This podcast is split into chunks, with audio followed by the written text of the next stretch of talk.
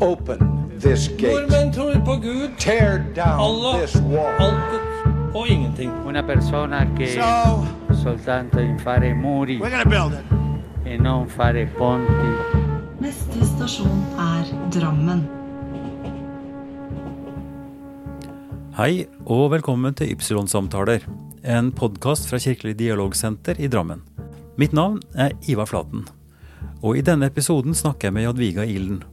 Hun kom eh, fra Polen, flyttende hit fordi hun ble kjent med en nordmann. Hun eh, kom ifra et yrke hvor hun hadde stort ansvar som leder i en skolekrets, og måtte etablere seg på nytt her i Norge. Hun har hatt ulike oppgaver i arbeidslivet, og var også en periode i Sverige. Jadviga sier at eh, de som vil bli inkludert, de gjør det på egen hånd. Men de fleste, de kan ikke, og de forstår ikke og er redde og forsiktige. Og dermed så blir de heller ikke en del av det norske samfunnsfellesskapet. Men hva gjør vi med det? Jadviga, da sitter vi her og skal ha en samtale. Jeg er glad for at du har lyst til å være med på det. Kunne du først fortelle litt om din bakgrunn, hvor du ble født og hvor du vokste opp? Ja, tusen takk skal du ha at du tenkte på meg, at du har valgt meg. Det er veldig, veldig eh, hyggelig. Eh, som du vet, jeg er, kommer fra Polen. Jeg er katolikk, men eh, jeg er blitt eh, fjellkirkegjenger. eh, jeg eh, er født og oppvokst i Polen og kom til Norge som en voksen ganske voksen dame, over 30. Og eh, pga. Eh, kjærlighet jeg ble hentet her av en drammenser. Mm. Og eh, kom sammen med min lille datter. Jeg eh, ble enke veldig, veldig ung, bare 25 år gammel. Ja vel, Og var alene mamma. Og egentlig så hadde jeg veldig bra i Polen. Jeg hadde veldig god jobb, og jeg bodde sammen med foreldrene mine. Og jeg hadde det jeg trengte. Men jeg lengtet etter, etter eh, kjærlighet etter en mann. Og så Ja. når jeg traff eh, en nordmann som var hyggelig nok, så, eh, så vurderte jeg. Først så kom jeg bare på besøk til Norge for å se. Mhm. Og eh, etter hvert så bestemte vi oss å eh, være sammen og giftet oss. Ja. Og da kom jeg eh, hit eh, med jenta mi, som var seks år gammel. Da. Veldig bra. Men jeg er nysgjerrig litt på, på likevel litt mer detaljer om, om begynnelsen din, altså familien din, og kanskje stedet i Polen også hvor du ble født. Eh, og hvordan også litt om kulturen der. Eh, gikk dere ofte i kirke? Hva slags, hva, hva slags stemning var det i din familie? Har du lyst til å si litt om det? Jeg kommer fra en sånn borgerlig eh, familie, gjennomsnittlig borgerlig familie. Eh, vi hadde et hus og hage, og vi var to barn. Eh, eh, kirken Ja, det var obligatorisk å gå i kirken. Vi gikk til kirken eh, Mhm. Man bare gjorde det, liksom? Det var bare sånn. Ja. Det var bare sånn. Det var kommunisttiden. Vi hadde ikke så mye annet egentlig å interessere oss eh, for. Vi, eh, vi hadde sånne fast, faste rutiner på søndager. Man gikk til kirken på formiddagen, og så kom hjem og spiste god søndagsmiddag. Og det var ikke noe problem i kommunisttiden? Det var aldri det, Jeg må si det at eh, det var aldri problem å gå i kirken i kommunisttiden. Hmm. Eh, De som eh, hadde høye stillinger, de passet seg for å ikke demonstrere det, at de eh, tilhørte kirken, at de gikk i kirken, at de gikk i skriftet. Men eh, det var aldri noe store represjoner eller eh, problemer for å gå i kirken. Kirkene var fulle. Ja. Det var alle som gikk i kirken. Og hvor i? Polen var dette? Det var uh, sør um, Vest-Polen, der uh, det gamle tyske, uh, tyske områder. Ja. Uh, og stedet heter Legnica. Mhm. Eh, Ti mil fra den tyske grensen og Ja, ti mil ja, til Tsjekkia. Nettopp. nettopp. Ja. Hmm. Nei, sånn at, og det er vel kanskje noe man tenker seg at, at kommunisttiden var repressiv. At man eh, opplevde å bli stengt ute, at kirker ble stengt, at man ikke fikk lov osv. Men det var ikke noe case i, i deres Absolutt ikke. Kirken var alltid veldig veldig sterk uh, i Polen og hadde store innflytelser. Og kommunistene passet seg også for kirken, for, for uh, de hadde makt, stor makt. For det var mange folk som, som gikk i kirken ikke sant, og hørte på, Ja. På uh, prekene. Og uh, ja, det var mye patriotisme der også. Ja. Ja. eh, I kirken. I kirken. Ja. Mm. Så det å Så- være polsk betyr å være kirkegjenger, liksom? Uh, det å være katolsk, for det første, og, eh, og eh, å ha noe forbindelse, noe tilhørighet. Så når jeg kom til, til Drammen for første gang, da ble jeg vist til den gamle, lille tømmerkirken. Ja, eh, Den som står på åssiden nå? Som står på åssida nå. Eh, og eh, på den tida så var eh, vi ikke mange her, så vi fikk plass alle sammen Ja. i den lille kirken. Men etter hvert så ble kirken for, for liten og måtte, måtte bygges større. Ja. ja. Og nå eh, kommer det 300-400 stykker på eh, gudstjeneste ja. på søndag. Og det er egne Så- polske messer også, ikke sant? Det er uh, egne på messer på, på polsk. Og, Mm. ja. Mm. Så det er ikke bare polakker. Hvis det er flere, flere forskjellige nasjoner som, som hører Mm. eh, til eh, den katolske kirken, men, men polakkene er den største gruppa. Ja, ja. Men la oss spole tilbake igjen til, til barndom, ungdomstid. Mhm. Din personlige vei, altså hvem var du da, eh, den gangen? Var du interessert i bøker, eller var du interessert i sport, eller hva var det du drev med? Jeg var alltid interessert i bøker. Jeg leste masse, mm. eh, alltid. Og, eh, og er fortsatt glad i bøker. Eh, kanskje kulturhistorie, religioner, det var alltid det som jeg ville vite mer. Mhm. Og eh, det var ikke mange utlendinger eh, på den tida mm, å møte i Polen, men når det var endelig noen som kom eh, dit, så, så eh, var jeg alltid interessert å møte og snakke om eh, deres kultur og religion. Mm, for eh, det er fortsatt eh, majoritet, det er katolikker i Polen. men Mm. men nå er det friere, og det er flere frie kirker. eh, også eh, Luthersk kirke er større i Mm. Polen nå. Men, men da jeg var ung, det var ikke så, så mange mm, fra andre land, fra andre kulturer, fra andre religioner eh, å få tak i, Nei, nei. for å si det sånn. Så jeg var alltid interessert i å møte andre mennesker Mm. og, og lære mer om andre kulturer og Men du gikk ikke i noen teologisk retning, eller du studerte ikke det Eh, Nei, nei, det var jeg aldri interessert i. Jeg var egentlig ikke så veldig, veldig religiøs, eller sånn Mm. Jeg var ikke kirkegjenger egentlig. Nei. Det var mest kanskje når dattera mi var liten, Ja. for å lære henne også. Og, men uh, religionundervisning uh, ja, måtte man igjennom, osv. Det var Men- også fast i skolen, så dere fikk Eller var det i kirken? Det var i kirken. Ja. Det var i kirken da. Så det var ikke religionsundervisning i skolen? Nei, Nei, nei. Ikke, på, ikke på den tida. Nei, det var Ja, kommunisttiden. sant? da var ja, det ja. ikke i skolen. Og, men alle gikk, gikk Det var veldig, veldig få som ikke gikk til Mm. religionundervisning. Og, og hadde det sammenheng med at det, var, det er så dypt forankret i, Mm. i kulturen, og det var liksom så vanlig at det bare gjorde man? Det var ingen spørsmål rundt det? Eller Det var det, hadde man også opposisjon, eller folk som Slik som i, i, i Norge i dag har man jo veldig, og i, i Vesten i det hele tatt, en, en ganske stor sekulær gruppering, altså bl.a. Med, med livssynshumanismen, ikke sant, som er ja, Man skal ikke si at, de, at de, de er motstandere, men de er i hvert fall veldig tydelige på at den stemmen også er der, men ikke i så stor grad i din erfaring. Absolutt ikke. Det var politikerne som, som eh, preket sitt, og det var kirken som hadde sine Ja. meninger, ikke sant. Eh, så Eh, så det var Man måtte velge. De fleste ville velge kirken. Ja. Mm.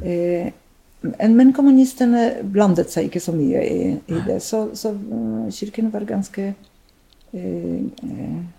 Hadde ganske store muligheter. Mm.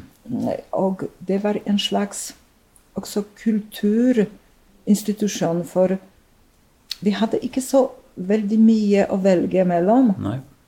Eh, Det var enkle eh, arrangementer, ja, ja, men det var, eh, det var veldig ofte politisk eh, eh, Med politisk undertone, eller Ja. arrangert av, av politikerne. ikke sant? Så det var mange valgte kirken på pga. at det var bedre alternativ, egentlig. Og det var ikke noe galt i det. Nei. Så når man gikk eh, i kirken, så var man uh, god mot hverandre. Så snakket man med de som man ikke har sett på en stund. Mm. Uh, og, um, og alt var positivt. Ja. Så, så det var ikke eh, eh, Ingen fanatisme der, for å si det så veldig, veldig sterk. Nei. Men, en litt avslappet men, eh, ja, i, kirkegang. om, om Mm. eh, en motpol eh, for, for politikken som egentlig eh, preket mot religion, ikke sant? Mm, mm. Men ikke forbudt Nei, nei, noe. nei. nei. Nettopp. Skolegang, utdanning.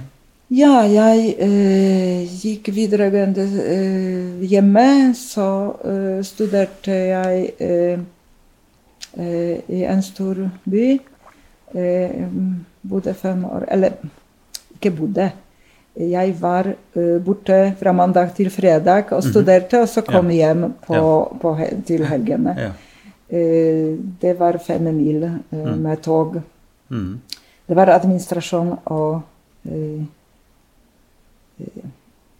Det finnes ikke sånn fag, eller det finnes ikke sånne, sånne studier her, men, mm. litt økonomi, litt administrasjon. Administrasjon og eh, ledelse er det noe som heter her. Ja. ledelse. Mm. Mm. Ja, så jobbet jeg, eh, jobbet jeg litt med eh, arbeidssikkerhet, og eh, eh, til slutt så ble jeg sjef i, som administrativ eh, leder i skolevesenet. ja. Og da hadde vi, eh, da hadde vi over 20 enheter, barnehager og grunnskoler, å ta seg av. Det pedagogiske, det var en pedagogisk leder som, som mm. eh, ledet, og jeg var eh, sjef for det administrative. Så skole med bygningsmasse og mm. eh, eh, over 2000 eh, ansatte Wow. eh, som eh, i administrasjonen. Mm. Så det var, det var veldig hyggelig jobb. Jeg likte meg der. Ja. Ja. Mange utfordringer, for det var, det var vanskelig f.eks. når vi ikke hadde eh, eh, vi, Når vi ikke kunne kjøpe det vi trengte. Det Mhm. var ofte krise Ja. mm, og, og vanskelige tider. ja. Men, eh, men jeg trivdes veldig, veldig godt. ja. Mm. Men så skjedde det en personlig En- ka- katastrofe, eller du fikk en stor sorg. Du mistet Mm. din ektefelle. Eh, Jeg, jeg mistet min ektefelle og ble alene for eh, 18 år siden. Mm. Eh, og eh, da bodde jeg på Isolør. Veldig hyggelig sted. Men eh, barna bestemte seg å flytte eh, tilbake til Drammen Mm. eh, og søke sine røtter. Men du, du sa noe om eh, altså den eh, At du flyttet hit pga. kjærlighet. Du, Ja. kom, altså, du hadde en god jobb i Polen.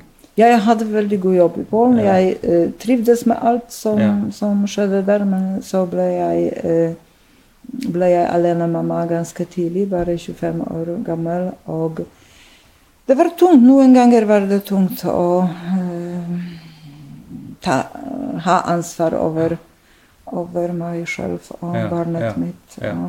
Og når jeg traff en hyggelig nordmann, så bestemte jeg meg Han traff du i, i Polen. ble, jeg traff han i Polen, ja. Det var påsketida, og det var litt spesiell tid. Mm.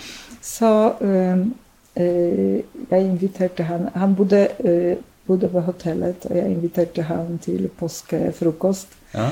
Så eh, eh, han reiste direkte etter det for å reke båt, eh, eh, og tok eh, telefonnummer eh, mitt, og så ble det, så ble det kontakter. Eh, og jeg ble invitert hit. Det var vanskelig å komme, for man måtte ha visum. Jaha.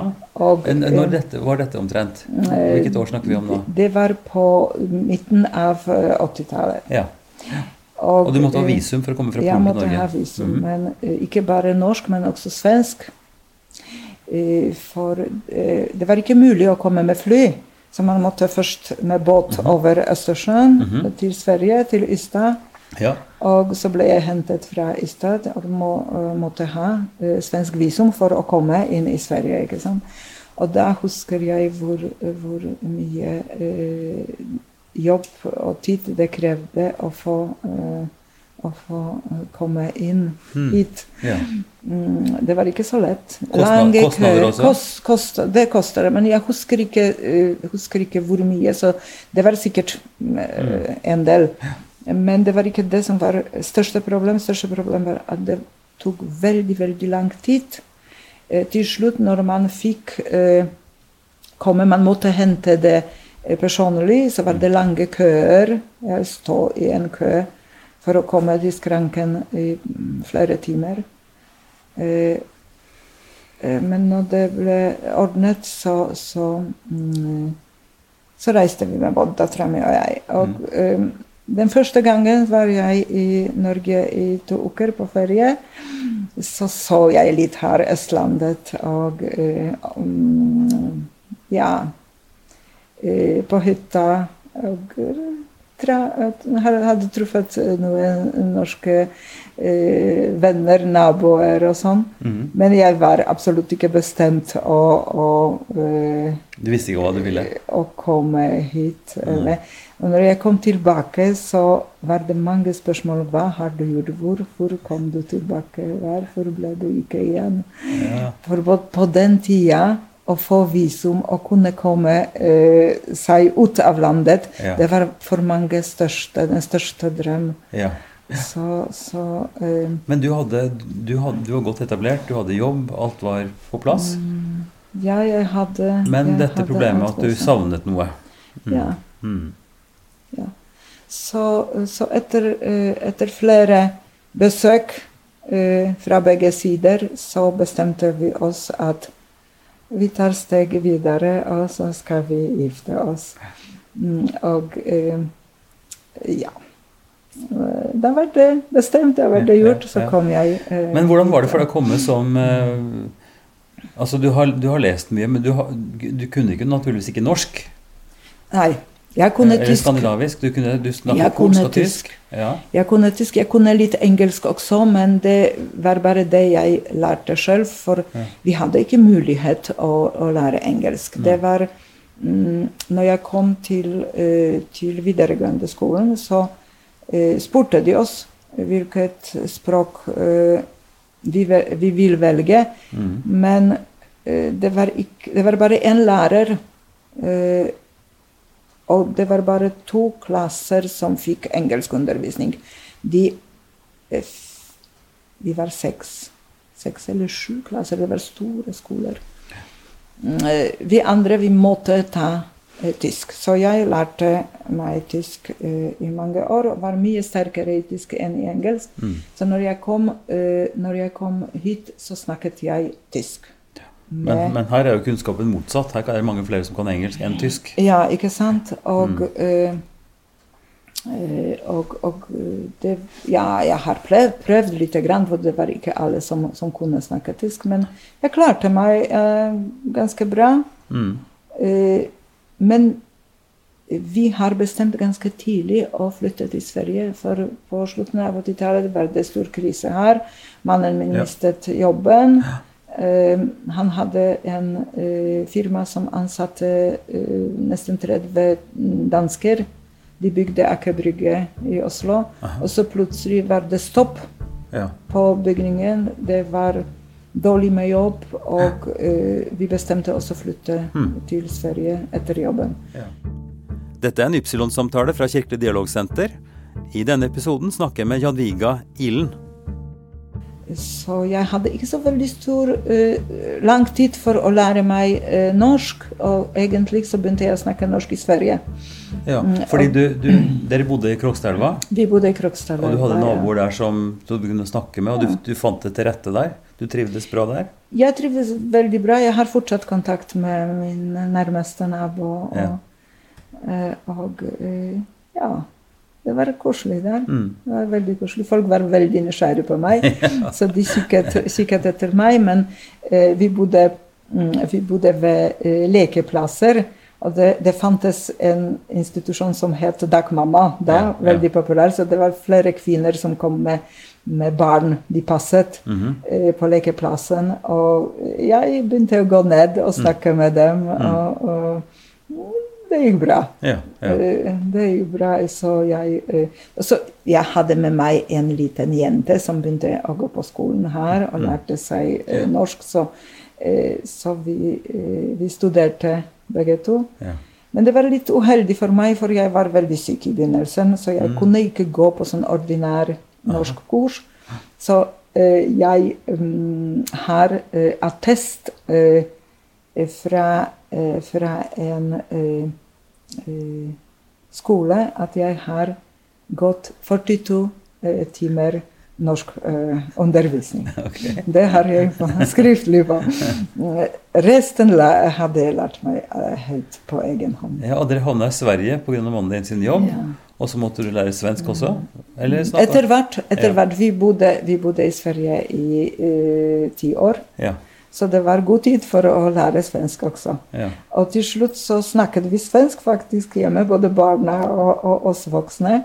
Så det var veldig, veldig morsomt, for uh, når, uh, når vi hadde nordmenn på besøk, så måtte vi konvertere tilbake til norsk. Og etter hvert så var det også mange tyske naboer og, og venner. Så det var mange, mange forskjellige språk hjemme. Ja, ja. Men, men det, var, det var også hyggelig. Dere, dere fant dere til rette i, i Sverige, i det stedet Ja. hvor dere kom dit? Vi, vi hadde det veldig fint. Vi var begge to veldig nysgjerrige på samfunnet, så uh, involverte vi oss alltid i et eller annet. Uh, fant vår kirke også. Var, I Sverige så var det Misjonskirken mest. Ja. For det var langt til den katolske kirken. eh, og eh, eh, barna hadde tilbud der. Hun ene gikk til Dattera gikk til, som speider, begynte som speider i Misjonskirken. Og, og lillemann var på søndagsskolen. Så det passer oss veldig godt. Og vi var, vi var mm, faste Ja. faste medlemmer i, i Misjonskirken. Eh, men vi flyttet også en del, så det var ikke så lett. Det var, det var faktisk vanskelig, for vi måtte etablere oss på nytt og på nytt. Mm. og eh, finne nye venner. Mm. Men eh, det å miste, miste de jeg ble glad i, det var vanskelig. Men å etablere nye bekjentskaper, det gikk ganske bra for meg. Jeg er åpent, og jeg liker, Ja. liker å ha kontakt med mm, folk, så det, mm, det var ikke så, eh, så verst. Men mange oppbrudd og, og mye omskiftninger også. Ja, dessverre. men, dessverre. eh, men nå er det jo en slags Etter flyktningekrisen i, Mm. I, i 2015 osv. Så, videre, så er det blitt en sjablong at Sverige er så ille. ikke sant? At det, at det er vanskelig der og sånn. Men på det tidspunktet Du sier at du, du levde i noen miljøer hvor det var mange ulike eh, språk og, og, og folk. Hvordan opplevde du det? Det en, ble det oppfattet som en kvalitet? Altså, Var det greit å, å være utlending i Sverige? Jeg synes det var veldig, veldig greit. Vi kom til Sverige når det, mm, når det var konflikt i, eh, på Balkan. Ja. Altså det var Ja. veldig mange bosniere og, Ja. og andre. Det var også uh, irakerne. Uh, så det var mange, det var mange stor krig, det var stor krig Mange også nasjoner, Irak, ja. Iran. Ja. Mm. Og det var arrangert noe eh, leksehjelp i kirken Mm. for, for de utenlandske. Eh, så jeg involverte meg eh, der også. Det var en ukrainsk kvinne som, eh, som var veldig, veldig glad. For eh, hun ble spurt noen ganger om hjelp med russisk, Mm. og hun har glemt Mm. språket sitt.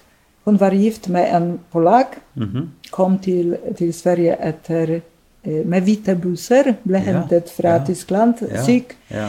Og eh, sjåføren som kjørte, kjørte denne bussen, var eh, han Josef Polak, som var forelsket eh, Ja, så de i henne. ja. De giftet seg og, eh, og snakket polsk. Ja. Så hun har glemt eh, sitt eget språk. Og når Ja. jeg kom med russisken min for, eh, Russisk det var som engelsk her. Ja, dere lærte russisk på eh, skolen. I, i polske Ja, ja, ja. skoler, ikke sant. Eh, På den tida i hvert fall. Ja. Så jeg jobbet, eh, jeg jobbet for kommunen som eh, og for, for lege som eh, tolk. ja. For irakiske gutter som kom som asylsøkerne til, Mm. til Sverige, kom gjennom Russland. Ja. Og før de kom til Sverige, så etablerte de ofte noe forhold i, i mm, Moskva. Ja, Det var gjennom Moskva de reiste. Og når de fikk endelig eh, lov å bli, eh, så viste det seg at de har familier i, i Russland. Så, så kom eh, snart også russiske kvinner, ofte med små barn, og ble fort gravid igjen. Og jeg ble eh, spurt om jeg eh, kunne hjelpe med språket, så jeg jobbet som, eh, som russisk tolk. Ja. Og var, var ganske fast inventar på legesenteret der. Akkurat. Så eh, det var eh, det var veldig morsomt, og jeg ble kjent med veldig veldig mange mennesker på denne måten. Altså. Mm. Men, det, men det, du har jo da veldig bred erfaring med nettopp det mangfoldige og forholde deg til folk med ulik bakgrunn og ulik, eh, Ja. ja, ulik livsforståelse, kanskje til og med også. Ja, jeg skal fortelle om en, eh, en, en liten historie. Jeg traff eh, nemlig en gutt som kom til Sverige fra eh, flyktningforlegning i et eh, sted i, Østen. Og han fortalte meg Nå husker jeg ikke detaljer, men, men eh, mora hans var eh, arabisk. eh, Og eh, ble voldtatt av en jøde der på på stedet. Så han ble blanding av en jøde og en araber. Mm. Og når han kom til, til Sverige, så hadde han veldig, veldig stor uh, behov for å fortelle det. Han, noen ganger så mente han at han er jødisk, og noen ganger ville han være arabisk. Han hadde vanskelig å finne sin identitet, Mm. uh, sin religion, seg selv. Ja. Så jeg snakket veldig, veldig ofte med han. Han kunne ikke uh, annet enn sitt eget språk, Nei. Og jeg kunne ikke det. Så, men vi snakket sammen mye. det gjorde vi. Så ble det også morsomme, uh, morsomme uh, historier, for uh, noen av dem var, var analfabeter. Mhm. Og jeg jobbet for å lære dem svensk. Mm. Så vi var ute, og vi tegnet mye. Og vi gjorde alt som kunne hjelpe en analfabet å forstå. Og det var veldig mye uh, takknemlighet tilbake. Mm. Uh, fine fine uh, minner ja. fra den tida. Ja. Men så kom dere tilbake hit. Så kom vi etter ti år, kom, ble det bedre i Norge. Ja. Så kom vi tilbake til Norge. Først min datter og min mann. og så ja, jeg og, og lille gutten. Mm. Eh, og først eh, så eh, landet vi på Hadeland. Eh, jeg fikk jobb der. Eh, jobbet på Folkehøgskolen. Ja. Vest-Oppland het det Ja, ja, ja, Folkehøgskolen. Nettopp. nettopp. På Brandbu. Ja, på Brandbu. Mm. Eh, Der bodde vi. Og jeg tror at hvis det ikke hadde vært en stor ulykke for meg, så hadde vi kanskje vært der fortsatt. Det var også veldig hyggelig sted. Jeg trivdes Mm. der veldig godt. Både med, med um, arbeidskolleger og med Ja. um, med naboer. Mm. Men uh, det var sånn at etter seks måneder i arbeid så ble jeg sykemeldt i mange år pga.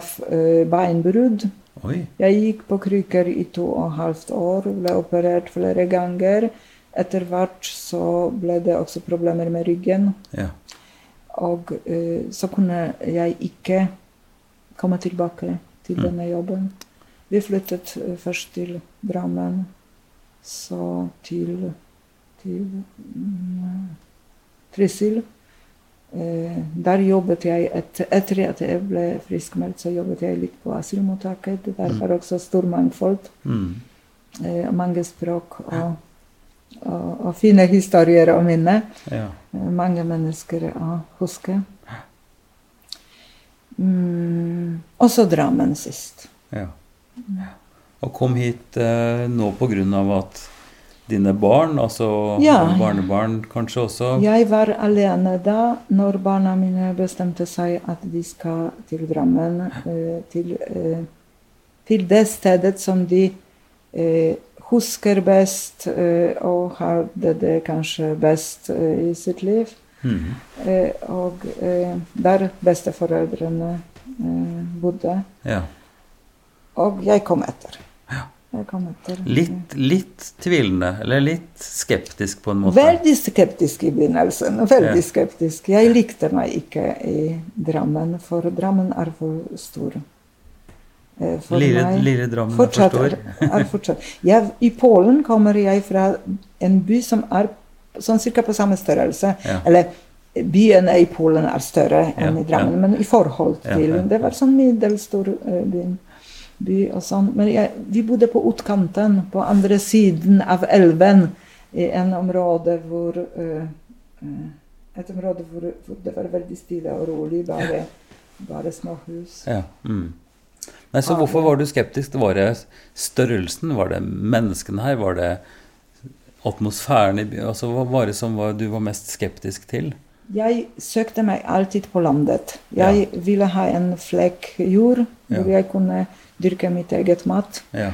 ja. Og uh, mine urter. Mm. Det er min stor eh, eh, lidenskap. ja. Eh, og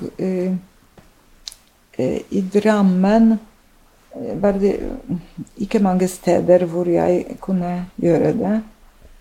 Eh, kanskje jeg, jeg vet ikke. Jeg, jeg ble tvunget på en måte av mine barn. For uh, først dattera flyttet eh, med familien sin hit. Og så tenåringsgutt som nesten rømte hjemmefra. Han sa at han vil ikke bo på landet, at han vil også til Drammen. Mm. Uh, og uh, han var for, for eh, ung for å kunne uh, bo alene. ja. Så jeg, så jeg måtte. Og det var det, var det som Det var et sted der i huet som protesterte. Uh, og jeg synes fortsatt at Drammen er for, litt for stor for meg. Men, men jeg trives bedre og bedre og bedre for hvert år. Og, og det går bra. Jeg har det kjempefint her.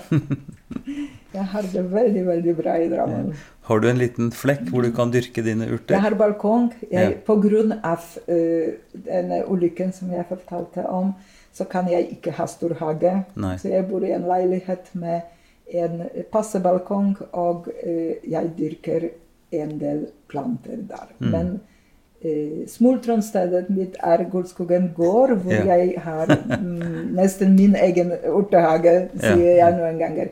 Vi er noen damer som, som uh, driver det på frivillig basis. Og uh, jeg uh, trives veldig, veldig godt på Så det er en av dine frivillige, frivillige oppgaver, for du er jo også svært aktiv i forskjellige frivillige sammenhenger. Men si litt mer om Gullskogen gård. Jeg vet at dere også har, hatt, har vært vertskap i en utstilling der. Du og jeg vet kjenner også Pinar, eh, som du har også har vært jobbet sammen med. Si litt om det. Ja, Gullskogen går, går selve parken. Um, det er urtehagen. Det er plantene som vi steller uh, i sesongen. Men på grunn av denne, uh, denne frivillige jobben, frivillige jobben, så ble jeg også kjent med folk fra museum og fikk tilbud å eh, jobbe i sjøboden. Mm. Og være eh, de, het, de kaller det tospråklige verter. Mm. For det er polsk og tyrkisk mm. medarbeider som, som er mm, som er eh, i sjøboden i eh, sommersesongen og eh, guider sine egne landsmenn. Ja. Så meningen er at det skal være en sånn integreringstilbud og eh, en guide mm. eh, for de eh, største mm. av, av eh, innvandrergrupper her i Drammen. Mm. Eh, og der traff jeg bl.a. Pinar og eh, Ismail Ja. sist. Mhm. Eller jeg traff Ismail i Fjellkirken, og eh, gjennom meg så kom han også til å jobbe der. Mhm. Eh, Så det var tredje året, tredje sommeren, vi Mm. stod der og, eh, og guidet eh, polakker og tyrkerne. Mm. Veldig hyggelig jobb. Veldig, veldig koselig å være der. Det er ikke bare polakker og tyrkerne som kommer. Mange nordmenn som husker historier, historien om Drammenselva, om sjøboden, og forteller oss uh, mye. Så dere får enda mer kunnskap om og, ikke visste, ja. Ja. Så det er også andre nasjoner, Mm. turister som kommer.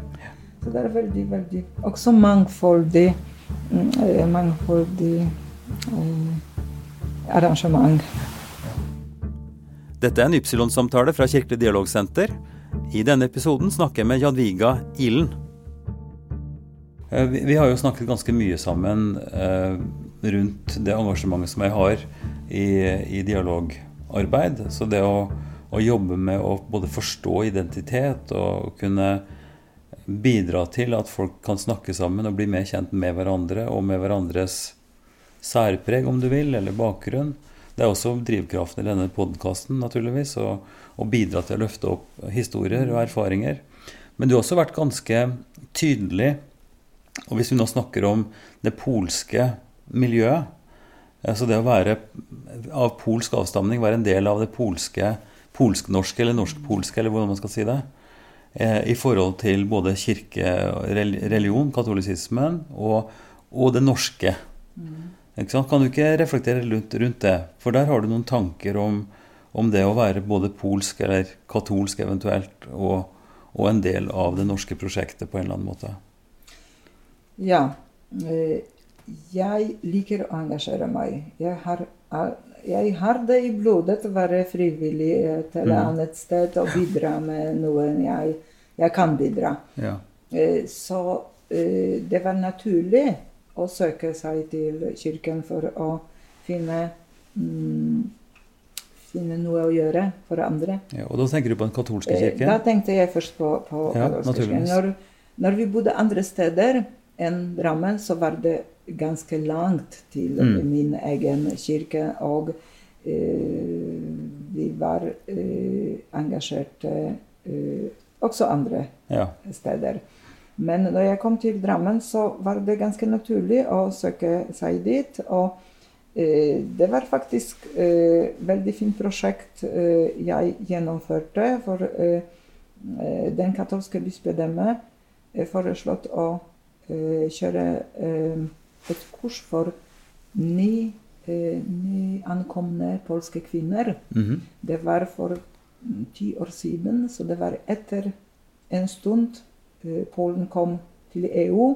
Og eh, det var ganske mange polske menn som var allerede i Norge i jobb. ja. Men etter hvert fant de ut at de vil bli her. Mhm. At de vil jobbe, de vil eh, etablere seg her. Og eh, så kom deres eh, ektefeller, finner og barn mm. hit. Og det var ganske stor behov for å eh, informere dem om eh, det norske samfunnet. Mm. Hvordan barnehage, skolevesenet Mm. eller, eh, eller eh, helsevesenet eh, Mm.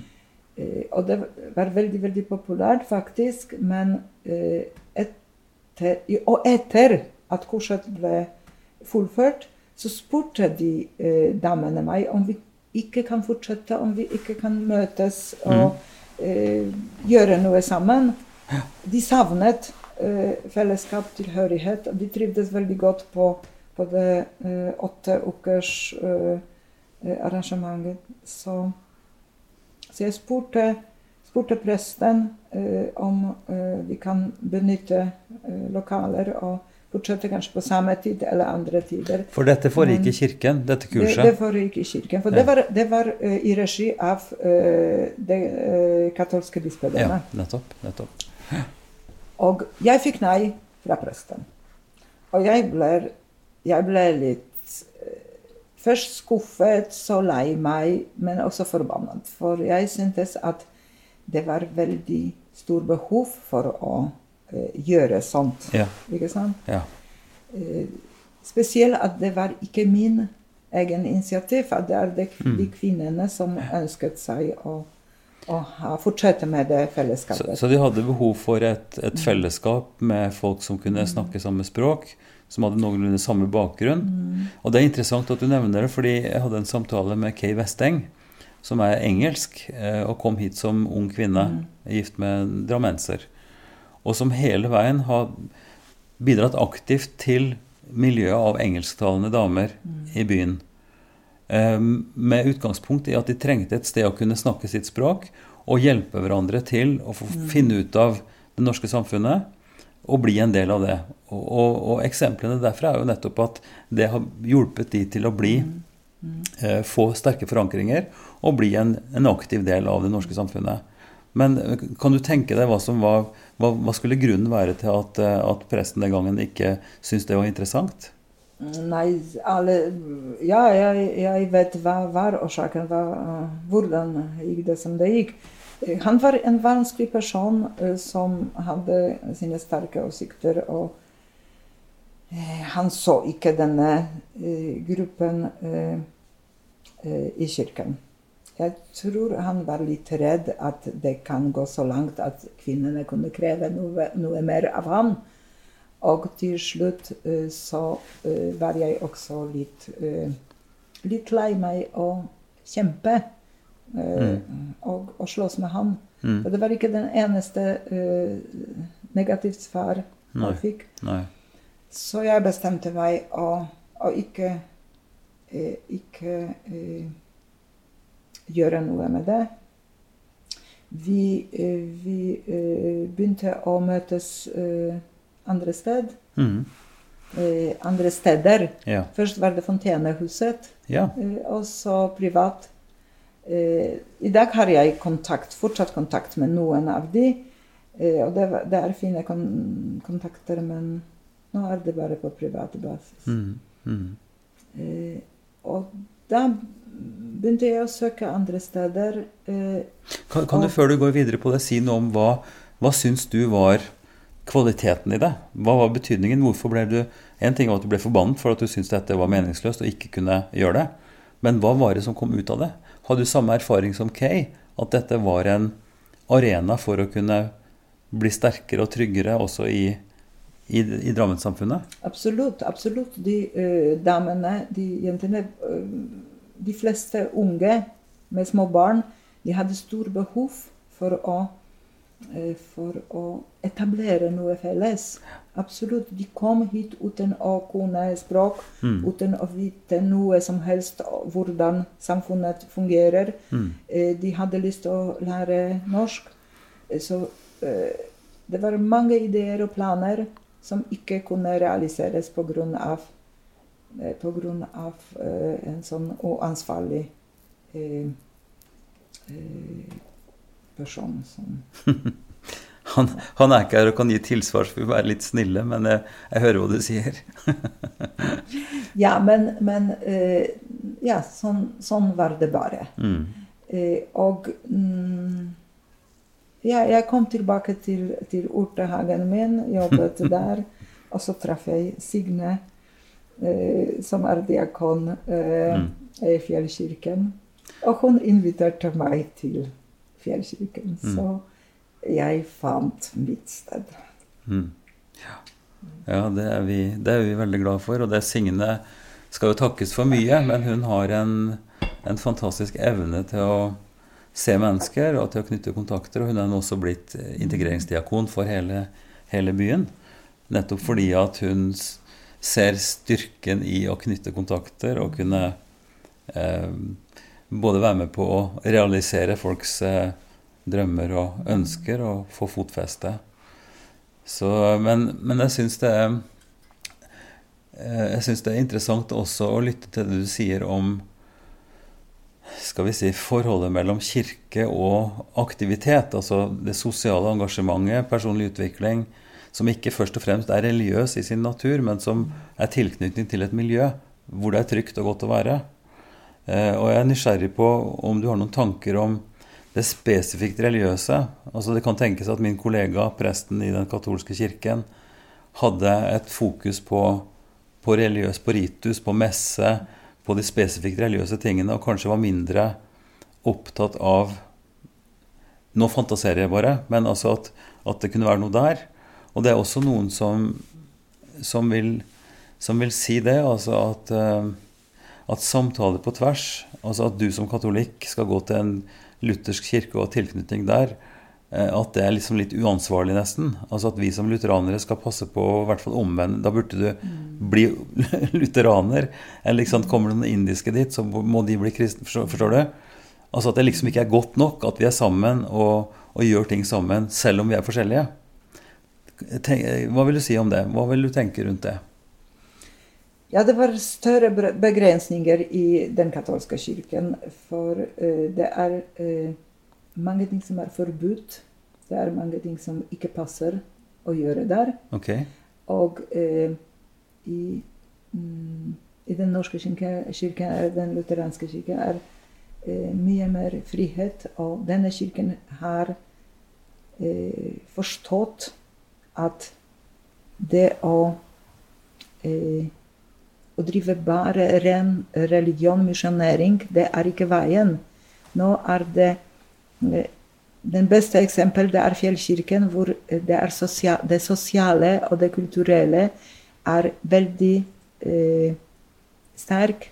Eh, og det er det som gjør også at eh, andre kulturer, andre religioner blir tiltrekket etter hvert eh, på denne måten at de folk som kom til Fjellkirken, de veldig ofte ble.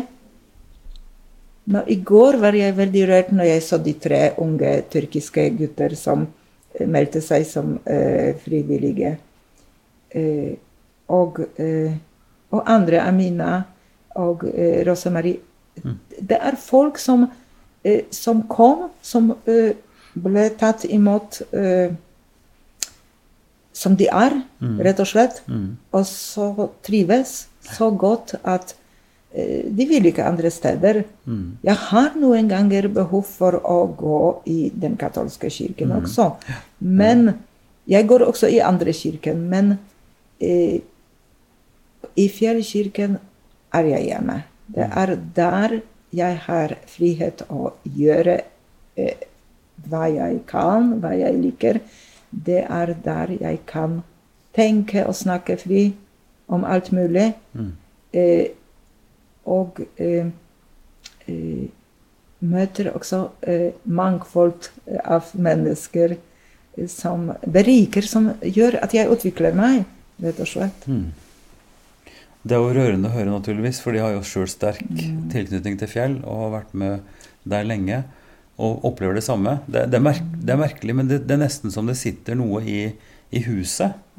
For jeg husker da jeg kom dit eh, og, og hadde fått beskjed fra biskopen at jeg skulle bli prest i fjell, så dro kona mi og jeg opp og var der eh, og kom no- altså Vi kom uten at de visste hvem vi var.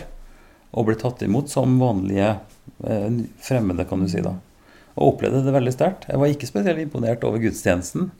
Eh, ikke sant? Også det, det rituelle, eller selve gudstjenesten, men menneskene der. Eh, og, og den vennligheten som vi ble vist, den, den syns jeg er en kvalitet som, som, som jeg også opplevde og opplever.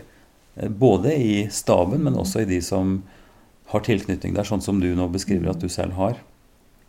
Så det er veldig fint. Og det, det er klart en, en drømmer jo om at, eh, at samfunnet vårt i stort, altså i dette store mangfoldet som består av 150 nasjoner på denne vesle plassen ved Drammenselva, eh, hvor det er veldig sterke personligheter, det er veldig sterke eh, intellekter, det er veldig mye kultur, det er mye vilje, det er mye livskraft. Og jeg skulle så ønske at, at vi forsto mer av hvordan det kunne bli forløst. At man ikke sitter på hver sin tue og peker på hverandre eller beskriver hverandre som det ene og det andre. Vi har en retorikk politisk og sånn som også er Som jeg syns er, er til å bli ganske fortvilt over. Og vi ser også, Det er én ting, men det andre er at det oppleves også som komplisert og, og krevende å skulle bygge disse fellesskapsarenaene. For vi er så opptatt med hver vårt. ikke sant? Presten i den katolske kirken har sitt mandat og sitt ansvar og sin tid, som er å feire messe og, og reise rundt og osv. Og, så videre, og, og imamer i moskeene, de har, de, har først, for, de har jobber først, og så skal de være imam, og så skal de ha familie. Skjønner du? Altså Vi har så mange sånne praktiske eh, hverdagsting som holder oss borte fra hverandre, på en måte.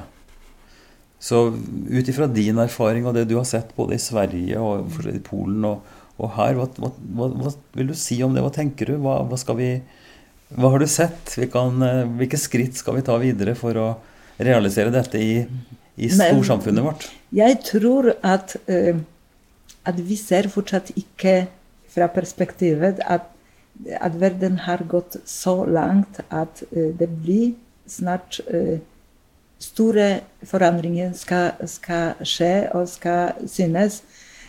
Og jeg tror at det rituelle blir, mindre og mindre viktig, og det sosiale mm, Det må tas rett og slett det sosiale tak i. Fordi det er stor, stor svær behov for å, å ta seg av folk som ikke har det bra. Som ikke bor i et eget land, som ikke eh, snakket eh, språket, som ikke skjønner, ikke kjenner samfunnet. Mm. eh, så så eh, behovet er veldig, veldig stort. Jeg har snakket med Pinar sist, og vi fant ut at vi har veldig, veldig god lyst å møte politikerne i Drammen og fortelle vår eh, eh, visjon, våre tanker om det. Og vi jobber med saken. Eh, Jeg har snakket med, med den nye ordføreren Ja, vår, ja. og hun synes at det er spennende. Så vi har avtale med henne og med, eh, med Manuela, og at vi møtes en dag. Men vi er ikke, vi er ikke klare, Pinar og jeg, å formidle, formidle det enda, men vi jobber med saken, og jeg håper at vi blir eh, forstått. Eh, I hvert fall at de skal høre på oss, hva vi mener. For eh, jeg synes at viktige tiltak mm, burde komme nedefra, og ikke fra politikerne. Som du sa, det er ja, Vi lever i sånn samfunn, ikke sant? Det, det er er lett å si at det er demokratisk samfunn, men det fungerer som det gjør, og eh, eh, folk eh, ikke alltid tenker og forteller sitt. Ikke kjenner, ikke vet hvilken arena de skal gå. Nei. Ikke sant? Og de fattige, de syke, de, de som lider, de orker ofte eh, lite. Mm. Ikke sant? Så eh, jeg ser det veldig tydelig at, at det er stor forandring, at Kirken må være mer sosial arena enn uh, eh, den Mm. arena uh, enn før.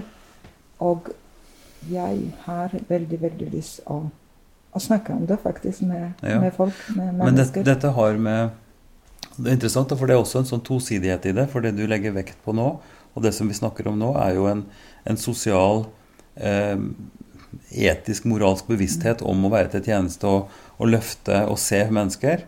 Og bygge fellesskap på tvers, altså som ikke er inndelt i båser om, med etiketter, verken etnisk eller, eller religiøst. Og, og det er vi helt enige om, og det, det har jeg stor sans for.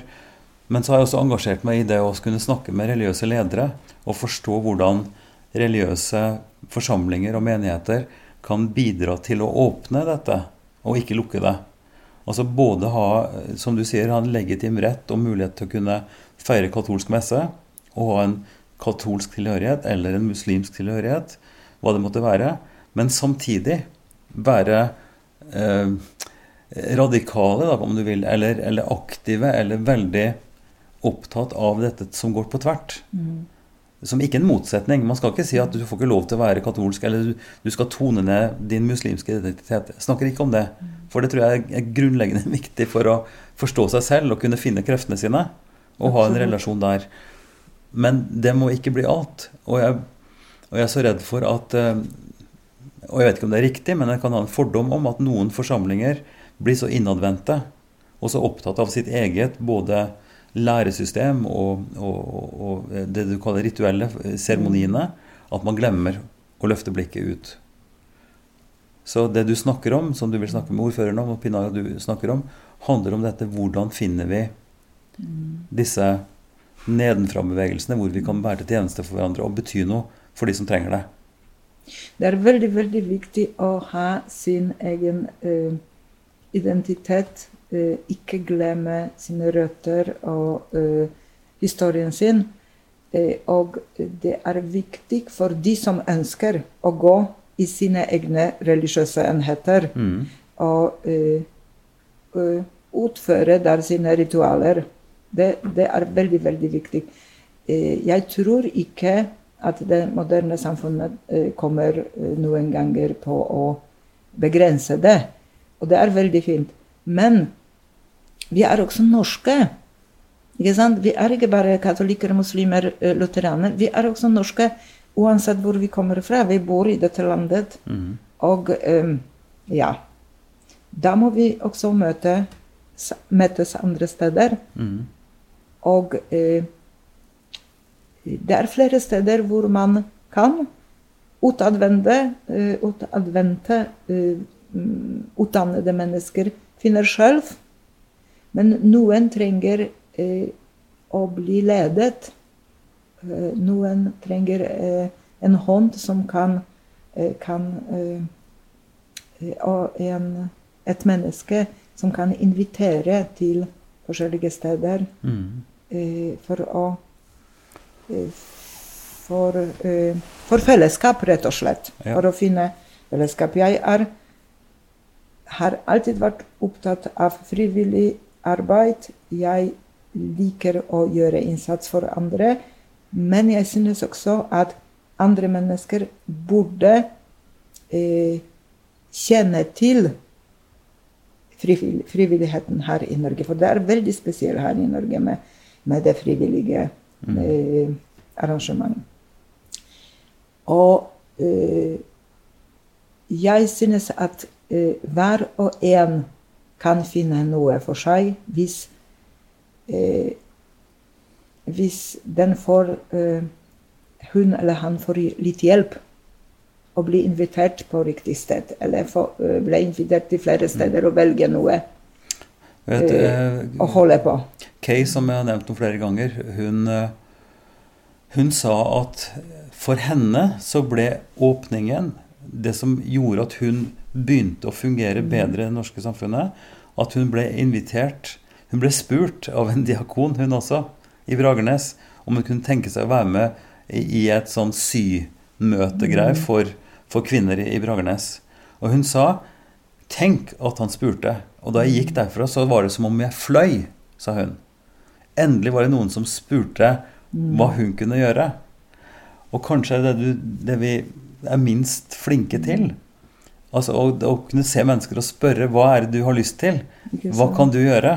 Og, og, eh, sånn at det er ikke bare at vi skal kreve at, at noen skal lære seg norsk og bli norske, men hvordan skal de bli det hvis ikke vi rekker ut en hånd eller, eller åpner opp, da. Så, men, men den gruppen som du snakket om, altså forlengelsen av kurset med disse polske kvinnene som kom hit, ville ikke det vært en sånn arena hvor du kunne ha vært en type guide? Ikke sant? Hvor dere snakker om disse mulighetene, og du kunne invitert videre. Så Poenget mitt er å si at det er en kvalitet i de spesifikke gruppene, språkgruppene. Men det må være en bevegelse også ut derfra, ikke bare innadvendt. Og det, det kunne en kanskje tenke kreativt om. Ja, jeg, eh, jeg hadde ikke tenkt å være eh, en slags leder for dem, på, på en måte. Jeg hadde lyst å lære dem å være ledere selv for andre som kommer.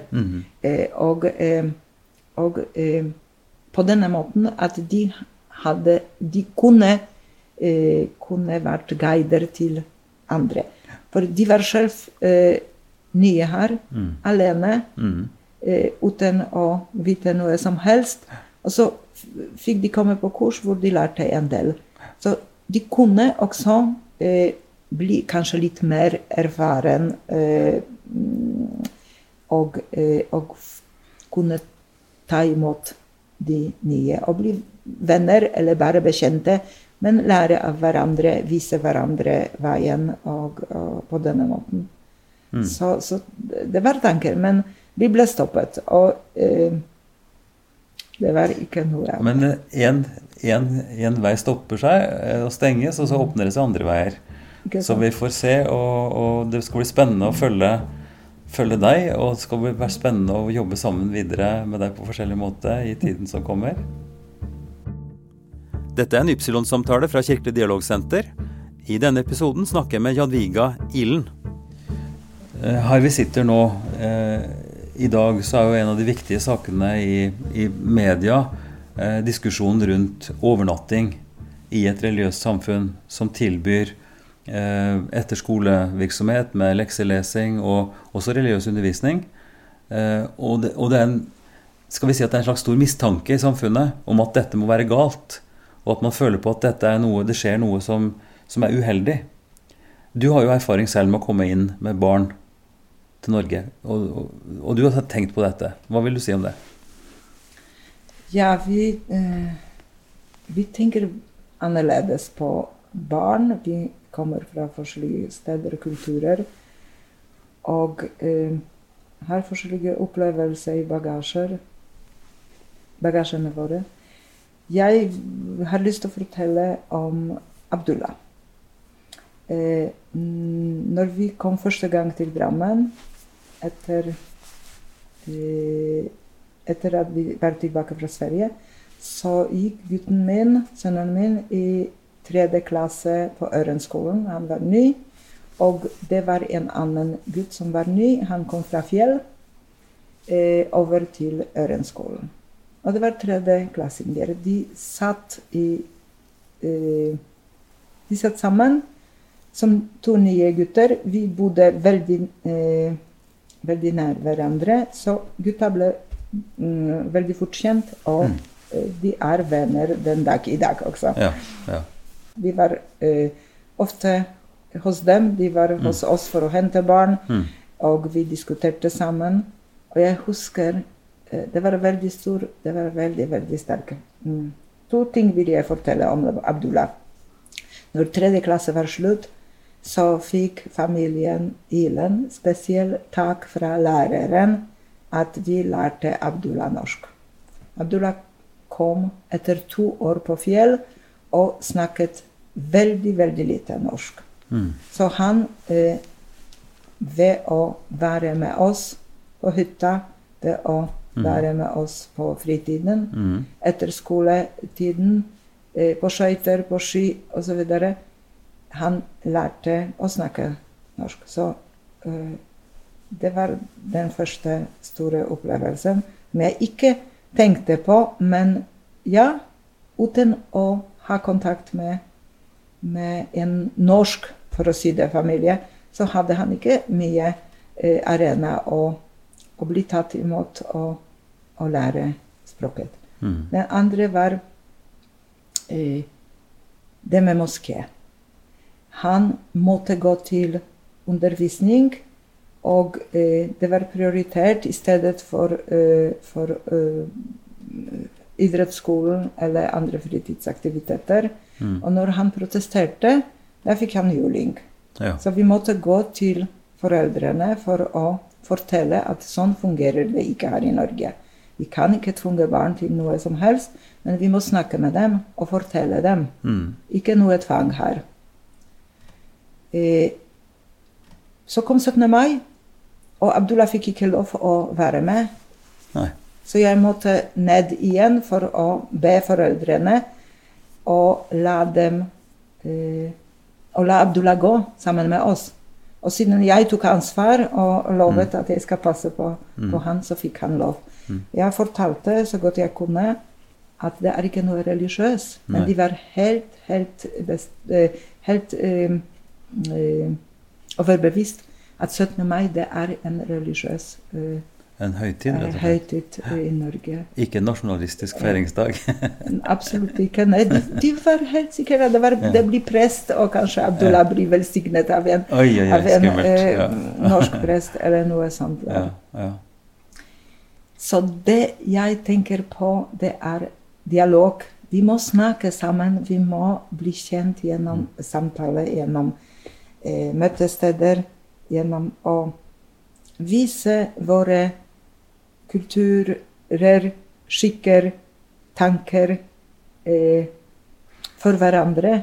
For å ufarliggjøre det. Mm. For å vise at det er ikke mye eh, misjonering, det er ikke mye farlig i det. Men en skulle jo tro at, eh, at skolen, naturligvis, skolen er den primære arenaen hvor alle barna kommer, hvor foreldrene blir invitert til foreldremøter, og hvor man jobber med slike ting. Ikke sant? For, å, for å informere om hva holocaustdagen er, hva er FN-dagen, hva er 17. mai, hvordan gjør vi når vi feirer jul. Alt dette er jo temaer. Så problemet vil jo være at disse foreldrene som du refererer til, ikke hadde fått det med seg. Eller hadde fått informasjon andre steder fra. Eller fått altså kanskje noen av lederne deres, til og med. Jeg vet ikke. Kunne, ha vært, kunne vært kritiske og si at dette kan være farlig.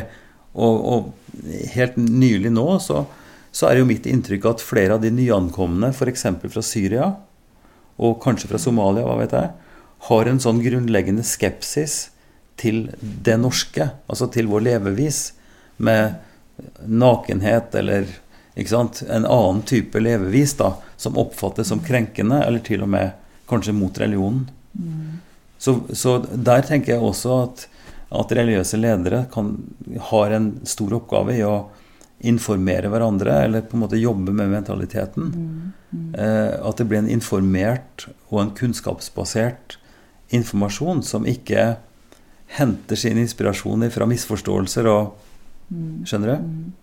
Jeg skjønner det veldig godt. Det er, derfor, derfor mener jeg at dialog er veldig viktig på alle nivåer. På alle nivåer. Både naboer bør snakke sammen og vise hva de har til middag. eh, Og dere som er ledere på forskjellige steder, eh, også har stor ansvar for å, eh, for å ikke dele, i hvert fall, oss. Mm. Ikke sant? Og, og gjøre alt for å eh, samle oss Mm. som nordmenn. Mm. For å lære. Vi har forskjellige kulturer, vi har forskjellige religioner, men vi har så forferdelig mange også, også eh, felles Mm. eh, ting som vi kan møtes og diskutere og gjøre sammen. Og, og snakke om og lese osv. Mm. Og eh, det er en annen ting, integrering. Veldig stygt ord etter, etter meg. Eh, jeg synes Du syns at eh, integrering er et dårlig ord? er dårlig ord. Jeg Ja. synes at det burde hete eh, inkludering. Mhm. Eh, så eh, stor, absolutt stor eh, oppgave å inkludere folk. Mm. De som vil bli inkludert eller integrert, de gjør det på egen hånd. Men det er de fleste som ikke kan, som ikke forstår, som er redd, Mhm. som er forsiktige.